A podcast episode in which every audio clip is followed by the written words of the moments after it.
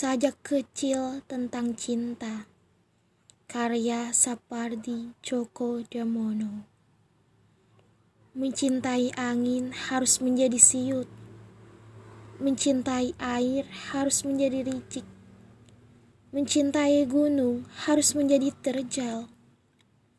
Mencintai api harus menjadi jilat. Mencintai cakrawala harus menebas jarak Mencintaimu harus menjelma aku.